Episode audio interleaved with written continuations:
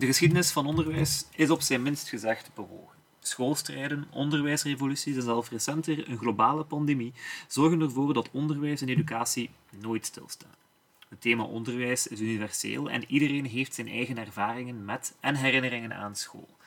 Maar waar start het verhaal van onderwijs? Hoe herinneren we ons die tijd en welke objecten dragen fijne schoolverhalen met zich mee? Wat met het schoolerfgoed? Zijn allemaal vragen die aansluiten bij het thema van Erfgoeddag 2022. In het kader van die Erfgoeddag nam Archief Gent een kijkje in zijn collectie op zoek naar interessante stukken en verhalen die aansluiten bij onderwijs. In deze podcastreeks gaan we op zoek en hopelijk vinden we ook enkele antwoorden.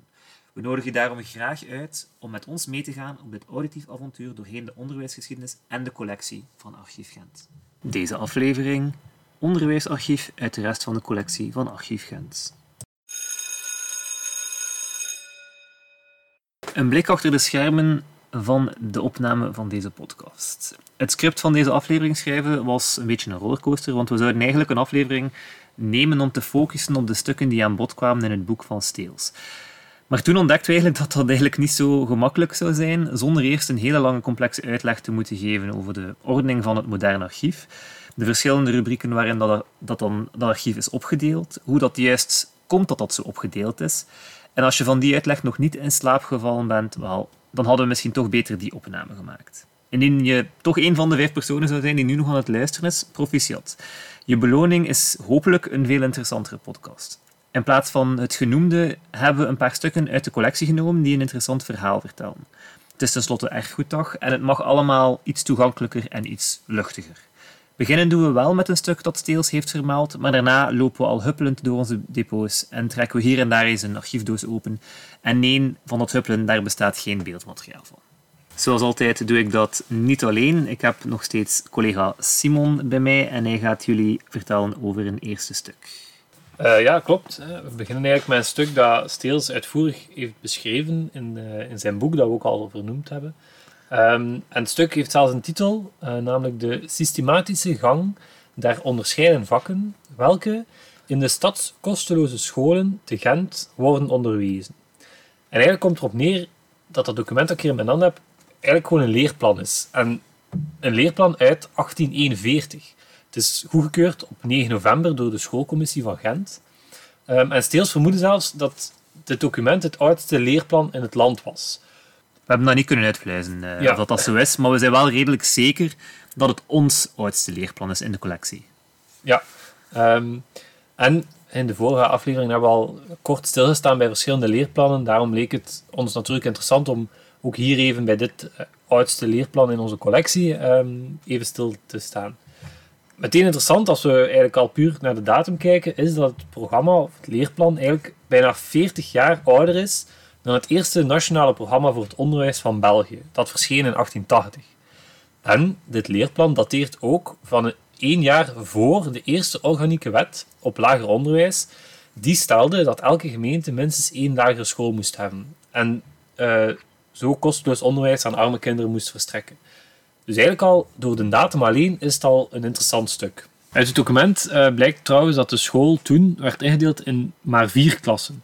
Een voorbereidende klas, een laagste klas, een middelste klas en een hoogste klas. Elke klas was dan wel op zijn beurt ingedeeld in uh, twee of drie afdelingen. Het waren twee afdelingen in de voorbereidende en de hoogste klas en drie afdelingen in de laagste en de middelste klas. Voor zij die het document uh, aan het inkijken zijn op de beeldbank of aan het meetellen zijn, dat komt neer op 10 afdelingen in totaal. Michel Steels vermoedde trouwens dat het leerplan zou opgesteld zijn door Pieter Jonglas, waarover we het later nog uh, even gaan hebben. Dit vermoeden komt omdat het document verwijst naar de normaallessen. Lessen die toevallig, eh, waarschijnlijk niet toevallig, gegeven werden door Jonglas sinds 1830. Misschien toch al even over Jong Las. Wie was dat? Dat was een Nederlander die als onderwijzer aan de slag was in de Gentse Rijksschool sinds 1820. En van dat startpunt in zijn Belgische of Gentse carrière toen nog, zou hij eigenlijk een hele carrière doorlopen in het onderwijs in Gent. Hij zou ook werken totdat hij 75 was, wat dat oud is. En hij gaf niet alleen het onderwijs mee vorm op beleidsniveau, hij publiceerde allerhande school- en leerboeken ook. Maar daarover gaan we het later nog hebben in deze podcast. We gaan even terug naar Simon met de leerinhouden. Ja, en die leerinhouden worden natuurlijk ook vermeld in dat leerplan van 1841. Um, Ehm, zo zat er in de voorbereidende klas uh, staan lezen van letters en herkennen van cijfers van, tot, van 1 tot 20 uh, voorop. Dat was belangrijk onderdeel voor die voorbereidende klas. De laagste klas bouwde dan verder op leesvaardigheden. En um, hier worden er ook al de eerste moraliserende gedichten aangereikt. Kinderen zetten ook een eerste stap in het schrijven in die laagste klas. Ook wiskunde werd uitgebreid met grotere getallen, dus boven de 20, bewerkingen en ook vormleer. En er was ook ruimte voor gesprekken over de oorsprong en het gebruik van dingen. Dan ga je over naar de middelste klas. Daar werd de taalvaardigheid uiteraard steeds complexer met ook aandacht voor zinsontleding. Wiskunde werd opnieuw uitgebreid en in de eerste afdeling van de middelste klas begon men ook met aardrijkskundige en geschiedkundige beschrijvingen van Oost-Vlaanderen. En er was meer aandacht voor zedeleer. Dan in de hoogste klas werd daar opnieuw verder opgebouwd. Uiteraard een beetje logisch allemaal. Uh, ze kregen vakken als natuurlijke historie, spraakkunst, breuken, wiskundige vraagstukken, aardrijkskunde van België. Vermoedelijk gingen leerlingen over naar een volgende afdeling na een half jaar, wanneer ze de leerstof dus onder de knie hadden. Uitgezonderd voor de hoogste klas. Daar duurde een afdeling een volledig jaar. Dit leerplan biedt ons niet alleen uh, een historisch inzicht in de evolutie van het onderwijs, maar was eigenlijk ook een handige gids voor onderwijzers. Het gaf al een houvast en een kader aan leerkrachten op vijf stedelijke scholen. En die leerkrachten hadden toen vaak niet allemaal een beroepsopleiding. Dus het leerplan kwam zeker en vast van pas. Terwijl dat Simon de archieven terug in de doos steekt, uh, ga ik jou al verder meenemen. Dus we hebben eigenlijk nu al inzicht in hoe dat onderwijs vroeger georganiseerd werd. Maar we gaan ook eens kijken hoe dat archieven ons eigenlijk een, een blik kunnen geven op bepaalde personen uit het verleden die misschien nog niet zo in het licht hebben gestaan. We gaan een keer kijken naar onderwijzeres Therese Hofman. Uh, je mocht van mij een keer de oefening maken en googlen Therese Hofman Gent. Je zal enkel wat vermeldingen vinden van haar uit de Gentse Wegwijzer, een, al een almanak eigenlijk met adressen in. Maar meer dan dat zal je wellicht niet vinden. Uh, dat wij ons werk hebben goed gedaan met deze podcast en haar onder de aandacht hebben. Maar uh, ze verdient zeker extra aandacht. Het is een vrouw, een onderwijzeres, die benoemd werd in 1830. Um, ter vergelijking, de eerste vrouwelijke niet-gediplomeerde onderwijzeressen in Antwerpen begonnen er pas aan in 1844. En de eerste gediplomeerde uh, onderwijzeres pas in 1853. Het archief bevat het examen dat Hofman heeft afgelegd als proef voor het bekomen van haar ambt. Um, we weten ook dat uit een brief blijkt dat ze zou weggegaan zijn uit haar vorige ambt in Kortrijk, omdat haar orangisme werd verweten, omdat ze ook uh, ja, bepaalde fondsen had gekregen van bepaalde mensen. Of dat is toch wat er uh, in die brief staat. We hebben dat niet, niet gecheckt. Hofman was voor het eerst zes jaar directrice in een privéschool, werd uh, daarna ook hoofdonderwijzeres in kosteloze scholen. En na die kosteloze scholenopdracht zou ze ook nog haar carrière verder zetten in andere scholen. Ze kreeg bijvoorbeeld in 1844 de opdracht van het stadsbestuur om lessen voor andere vrouwelijke lesgevers, dus ondermeesteressen en assistenten in te richten. Ze kreeg ook nog een andere meisjesnormaalschool toegewezen, omstreeks 1849. Rond 1852, naar aanleiding van de opening van drie nieuwe scholen, werd ze overgeplaatst naar het Louisa-instituut. In 1858 werd ze overgeplaatst en belast met het besturen van de betalende meisjesschool. Nog in 1858, en dat is nog steeds 1858, kwam ene P.J. Vet op bezoek, die haar complimenten gaf uh, op hoe dat zij eigenlijk het onderwijs inrichten. De VET deed dat uh, in kader van een bezoek aan school, niet alleen in Gent, maar ook in Brussel en Luik. Uh, in Luik. En hij deed dat eigenlijk een opdracht van de maatschappij tot nut van het algemeen. Dat was eigenlijk een organisatie die streefde naar culturele, individuele en maatschappelijke ontplooiing. Volgens hem verbleekte het normaal onderwijs op andere bezochte scholen, zoals die in Brussel, met dat van de school van Hofman. Hofman zou blijven werken tot in 1873. In dat jaar nam ze ontslag op 13 september. En toen was ze directrice van de betalende meisjesschool in de Korte Dagsteeg. Ze kreeg voor haar verdiensten en haar carrière van toenmalig schepen Wagener een gouden medaille. En hij complimenteerde Hofman tijdens de uitreiking ook nog eens met een speech, die ik hier even ga citeren en die vrij vertaald is uit het Frans. Ik denk dat ik zonder overdrijven kan zeggen dat de opmerkelijke verbeteringen die 40 jaar lang in Vlaanderen zijn ingevoerd met betrekking op de opvoeding van vrouwen, voornamelijk te danken zijn aan haar initiatief. Want zij is een vooruitstrevende vrouw die voortdurend alle nieuwe methoden verwelkomde en die door ervaring werden aanbevolen. Mooie woorden voor een geëngageerde vrouw dus, met een lange carrière in het Gentse onderwijs. Een carrière die kan worden gereconstrueerd aan de hand van stukken zoals registers, en gemeenteraadverslaging uit de collectie. Kan iemand ondertussen nog eens checken of er nog geen Therese Hofmanstraat is in Gent? Nee, dan moeten we daar misschien dringend eens veranderingen brengen. Nog een ander leuk stuk uit de collectie is het boek Aardrijks geschiedkundige beschrijving naar stad Gent voor de jeugd. Geschreven door Pieter Jonglas. Die Pieter Jonglas hebben we daarnet al eens vermeld, omdat hij net als Therese Hofman een klinkende naam is in de geschiedenis van het Gens onderwijs. Jonglas schreef verschillende boeken voor onderwijs, zoals rekenboeken en leesmethoden. Maar zijn opzet met de, van de publicatie Aardrijksgeschiedkundige beschrijving der stad Gent voor de jeugd uh, zet eigenlijk sterk in op omgevingsonderwijs. Door te vertrekken uit de omgeving wilde Jonglas eigenlijk jongeren warm maken voor de studies van het verleden en geografie. De herkenbaarheid zou dan de herinnering van de lessen versterken. De publicatie bevat niet enkel lesinhouden, maar ook vragen over die inhoud. Het is dus een interessante didactische bron en ook een fijne lesmethode die je kan vergelijken met moderne, moderne methoden om tot interessante inzichten te komen over hoe het onderwijs met betrekking tot dit vak doorheen de tijd is geëvolueerd. Een gat in de markt zou dan ook zijn dat we binnen onze educatieve werking bij Archief Gent een update zouden maken van deze publicatie en ter beschikking zouden stellen van leerkrachten die nu lesgeven. Maar voordat een realiteit wordt, toch wel goed nieuws voor de twee aardrijkskunde leerkrachten onder jullie die luisteren. Deze publicatie van Jonglas kan je ook digitaal doorlezen op Google Books dankzij de collega's van de Universiteitsbibliotheek. Een uh, volgende archiefstuk is dan weer een voorbeeld van hoe dat er soms in privéarchieven heel waardevolle stukken kunnen zitten en tegelijkertijd hoe kinderen en onderwijs misschien wel schadelijk kunnen zijn voor archieven. Want we zitten eigenlijk in onze collectie met een 17e eeuws register. Uh, dat is het register van het ambacht van de witledertouwers. Uh, dat, zijn, ja, was eigenlijk een ambacht dat handschoenen maakte. En um, dat zat eigenlijk in de 19e eeuw in de privécollectie van een Mr. X, of een meneer X. Dat is toch wat de stadsarchivaris van toen, Victor van der Hagen, letterlijk in zijn nota in 1890 had geschreven. Maar die persoon, of die meneer X, had er eigenlijk niets beter op gevonden dan dat perkament zijn kinderen te laten verknippen om hun papieren speelgoedmannetjes te verstevigen. Uit de verschillende bladen waren dan ook inderdaad figuren uitgeknipt. En op één blad heeft, heeft een van de kinderen in potlood zijn lessenrooster voor die week genoteerd. Op andere bladen staat er dan weer in het groot Anglais en Français. En dat zullen waarschijnlijk pennenprobeersels zijn, of ja, misschien was het register wel een geïmproviseerde map. We weten het niet, wie zal het zeggen. Daarvoor gaan we nog een beetje meer onderzoek moeten doen. In elk geval, het was de vader van Victor, de Gentse hoofdbibliothecaris Ferdinand van der Hagen, die dat eigenlijk heeft opgemerkt en dan het boek heeft meegenomen om dan door zijn zoon, de stadsarchivaris, in veiligheid te laten brengen. En dat er is nu nog gelukkig veilig en onverknipt in onze collectie. Een ander interessant stuk uh, is eigenlijk van een archief dat meer recent uh, naar ons is gekomen, maar ook een, een recenter archief dat opnieuw een link heeft met onderwijs. Um, het is eigenlijk een, aanwinst uit 2021, um, dat het nummer heeft gekregen 2021 120 voor de geïnteresseerden.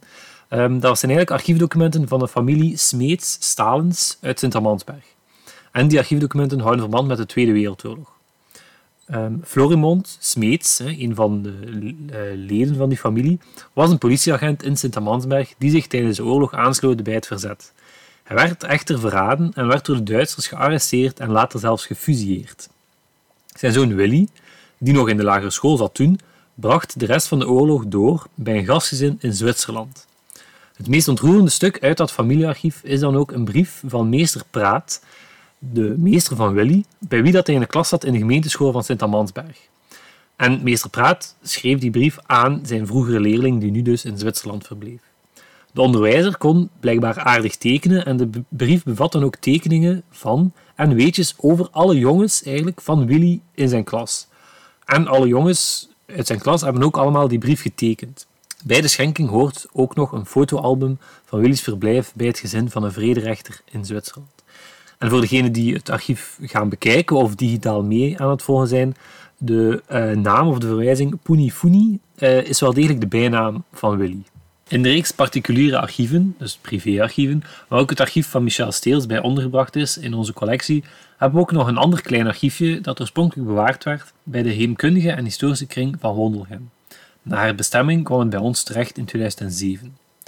Het archiefje zelf gaat specifiek over de lagere jongensschool Sint Vincentius a in de Maaistraat en beslaat de periode 1924 tot 1957. Hier dus meteen al een beetje een overlap met het vorige archiefje dat we besproken, omdat het ook over de oorlogsperiode gaat.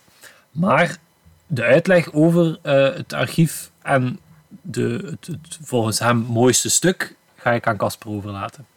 Ja, ik ga eerst beginnen met nog een beetje verder kaderen. Uh, dus het is in 1907 dat die nieuwe parochie Sint Vincentius Apollo uitgetekend werd. En meteen daarna volgde ook de inrichting van de lagere school. Die school was heel erg succesvol en moest heel snel uitbreiden van drie naar zes klassen. In 1927 kwamen er nog een zevende en een achtste studiejaar bij, zodat de school in 1930 al zeker 250 leerlingen telde. Op het lesprogramma stond elke dag godsdienst en op zondag waren de leerlingen verplicht de hoogmis bij te wonen. De school had ook een tuintje eh, en elk leraar had eigenlijk een eigen hoek in die tuin. De klas met het mooiste verzorgde bloemenperk won uiteindelijk ook een prijs voor hun werk. Via wekelijkse en driemaandelijkse rapporten bleven ouders op de hoogte van de vorderingen van de prestaties van hun kind. En er werd op de school ook aan schoolsparen gedaan. En in 1930 hadden 194 bijvoorbeeld al een uh, spaarboekje bij de Nationale Bank. Wat zit er nu in deze schenking? Wel, in deze schenking vinden we eigenlijk verslagen van personeelsvergaderingen tussen de periode van 1933 en 1945. Daar zitten briefwisselingen bij, die gaan over de organisatie van het onderwijs uh, en, en, de school, en die dateren van 1928 tot 1946. Stamboeken van leerlingen van 24 tot 46. Ook prijsuitreikingen na examens voor goede resultaten van de periode 1945 tot 1957. Maar zoals gezegd, Simon had gezegd dat ik een, favoriet stuk had in dit uh, archiefje. En het mooiste stuk, dat is eigenlijk een ongedateerd handgeschreven en geïllustreerd verslag van Roger Wallaert. Of Roger Wallaert, dat weten we niet. Maar ik ga ervan uit dat het op zijn grens Roger is. Dat was eigenlijk een onderwijzer van de zevende klas. En op basis daarvan kunnen we eigenlijk al zeggen van ja, het is ongedateerd, maar aangezien dat er een zevende klas is, weten we al dat het van na 1927 uh, komt, omdat dan pas die zevende klas geïntroduceerd werd. Dus uh, dat verslag bevat niet alleen de korte historiek waarop mijn beschrijving van hierboven is gebaseerd, maar er zit ook een handgetekend plan in hoe die school eigenlijk was ingericht met de lokalen en dat tuintje, of dat koertje. Uh, en daarnaast was er ook duidelijk een overzicht in over hoe het onderwijs en de lessen werden georganiseerd. Zoals gezegd, godsdienst zo goed als elke dag. Dat staat ook letterlijk in een lessenrooster in dat schriftje. Een één minder aspect natuurlijk, moeten we er ook wel bij vermelden, is dat dit handschrift eigenlijk niet meer volledig is. Op bepaalde pagina's zien we dat er geplakte hoekjes uh, zitten, of uh, bevestigd zijn, en daar moeten ooit foto's hebben ingezeten. Deze foto's hebben wij eigenlijk niet in de collectie zitten. Die zijn ook nooit bij ons binnengekomen toen wij het hebben gekregen in 2007. Dus we weten ook niet waar ze naartoe zijn. Wat dan natuurlijk jammer is, omdat we dan eigenlijk met een beetje een incomplete bron zitten. Maar ook al is het niet volledig, het blijft wel interessant omdat het echt een persoonlijke getuigenis is van een onderwijzend personeelslid uit een verleden dat toch wel allez, noemenswaardig is. Archief Gent beschikt dus eigenlijk over archiefmateriaal van stedelijk onderwijs, maar niet altijd over archiefmateriaal over het vrij onderwijs. Met deze schenking, dat klein privéarchiefje, werpen we dus eigenlijk een blik op een onderwijsnet dat doorgaans aan onze aandacht als stedelijk archief ontsnapt. Zo geven die stamregisters een beeld van de sociale achtergrond van de leerlingen. Het beroep van vader en de formatie over schoolverlaters die krijgen we daarin ook. En door de ligging van de school en de buurt merken we ook in die registers dat industrie eigenlijk meestal de toekomst was van al die leerlingen. Nu, je kan al die bronnen die we hier genoemd hebben ook zelf bekijken op de beeldbank. Die zijn ook gedigitaliseerd. Het laatste stuk dat we hier graag willen bespreken is eigenlijk een almanak uit de 18e eeuw. Misschien voor de duidelijkheid, een almanak was eigenlijk een jaarlijkse publicatie met een jaarkalender en ook steeds terugkerende informatie op bepaalde gebieden zoals astronomische gegevens, dienstregelingen, organogrammen en adressen van overheidsdiensten, maar ook van verenigingen, beroepsbeoefenaars enzovoort. In veel steden verscheen in de vroege moderne periode al almanakken met lokale informatie. En dus ook in Gent, waar Philippe Gimblay, drukker op de Korenmarkt, vanaf 1770 een almanak maakte getiteld Getrouwe wegwijzer, zowel voor de vreemdelingen als de inwoners van deze stad. Archief Gent bezit in, haar collectie twee nagenoeg complete reeksen van die Gentse wegwijzers, vanaf de eerste editie in 1770 dus, tot de laatste editie in 1932. Het zijn bijzonder nuttige zoekinstrumenten voor historisch onderzoek, maar ze bewezen ook al in de 18e eeuw zelf hun nut voor vele zaken. Waaronder ook hoofdrekenen blijkbaar, want in vele uitgaven uit die late 18e eeuw zit een uitklapbare pagina met maaltafels tot en met 24 opgenomen. En dat kan altijd van pas komen natuurlijk. En eindigen met wiskunde, dat was altijd iedereen zijn favoriet op school. Maar voilà, dat was het dan voor deze aflevering. Het was een greep uit onze collectie met een sterke onderwijslink. Ehm, hopelijk hebben jullie toch al een klein beetje warm kunnen maken voor de rijkdommen uit onze collectie. Sommige stukken die we hebben vermeld, die had uh, Michel Steels ook zelf in handen bij zijn onderzoek. En zo hebben we eigenlijk toch een beetje de collectie bekeken door de ogen van de onderwijsinspecteur. In elk geval bedankt voor het luisteren en tot in de volgende en laatste aflevering van deze reeks. Deze podcastreeks kwam tot stand naar aanleiding van Erfgoeddag 2022 met als thema Erfgoeddag maakt school. Een initiatief van FARO en gedragen door de brede cultureel erfgoedsector in Vlaanderen. Naast deze podcast zijn er nog een heleboel andere activiteiten rond erfgoed in onderwijs. Meer informatie daarover kan je vinden op www.erfgoeddag.be. Voor de inhoud van deze podcast baseerden we ons op de collecties van Archief Gent.